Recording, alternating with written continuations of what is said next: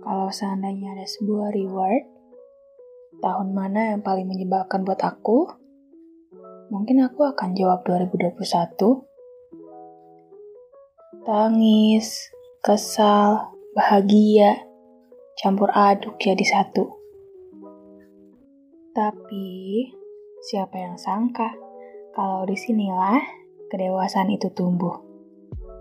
Sering sekali diri ini bilang, Gak apa-apa, kamu bisa kok ngelewatin ini. Padahal sebenarnya sih pondasi diri ini udah mau roboh banget. Dan kamu harus ingat, seburuk apa pun keadaannya, seberat apa pun masalahnya, tolong jangan pernah berubah menjadi jahat ya. Kadang kalau kita lagi dijahatin sama orang, Suka kepikiran gak sih pengen ngejahatin orang itu balik? Ya tujuannya sih biar dia ngerasain apa yang kita rasain aja. Sesimpel itu katanya. Tapi, sadar gak sih? Secara nggak langsung, kita jadi dicap jahat juga sama orang. Kalau kita jahat juga sama orang, terus apa bedanya kamu sama orang yang jahatin kamu? Sama-sama jahat dong. Ish, jangan ya. Kamu harus tetap baik. Meskipun seisi dunia ngejahatin kamu. Iya, aku tahu kok.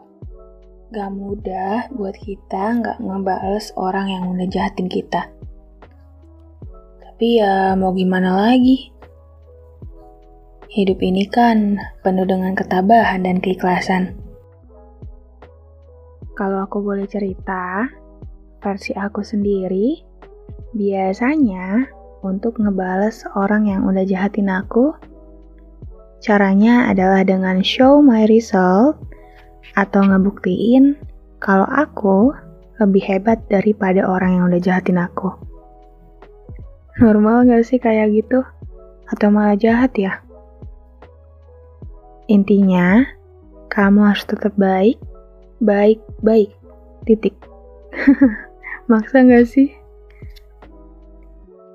Um, kalau kita ngomongin tentang sebuah result atau hasil dari pencapaian tadi, percaya nggak sih kadang orang-orang butuh result atau hasil untuk bisa memvalidasikan sebuah kehebatan atau pencapaian seseorang tanpa mau tahu sekeras apa usaha yang udah dibuat.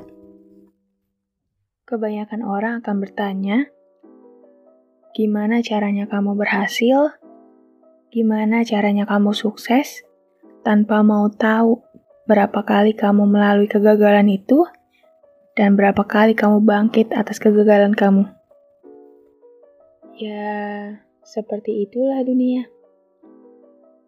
Kita nggak bisa maksa mereka untuk mengerti kita, dan begitu juga kita gak bisa mengerti semua orang yang punya karakter yang berbeda. Yang bisa kita lakukan adalah melakukan yang terbaik versi diri kita sendiri.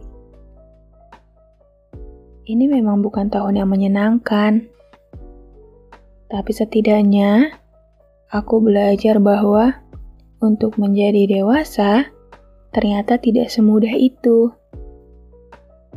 Aku belajar bahwa menjadi seseorang yang mempunyai rasa ikhlas dan sabar dalam dirinya adalah suatu anugerah yang gak semua orang lain punya.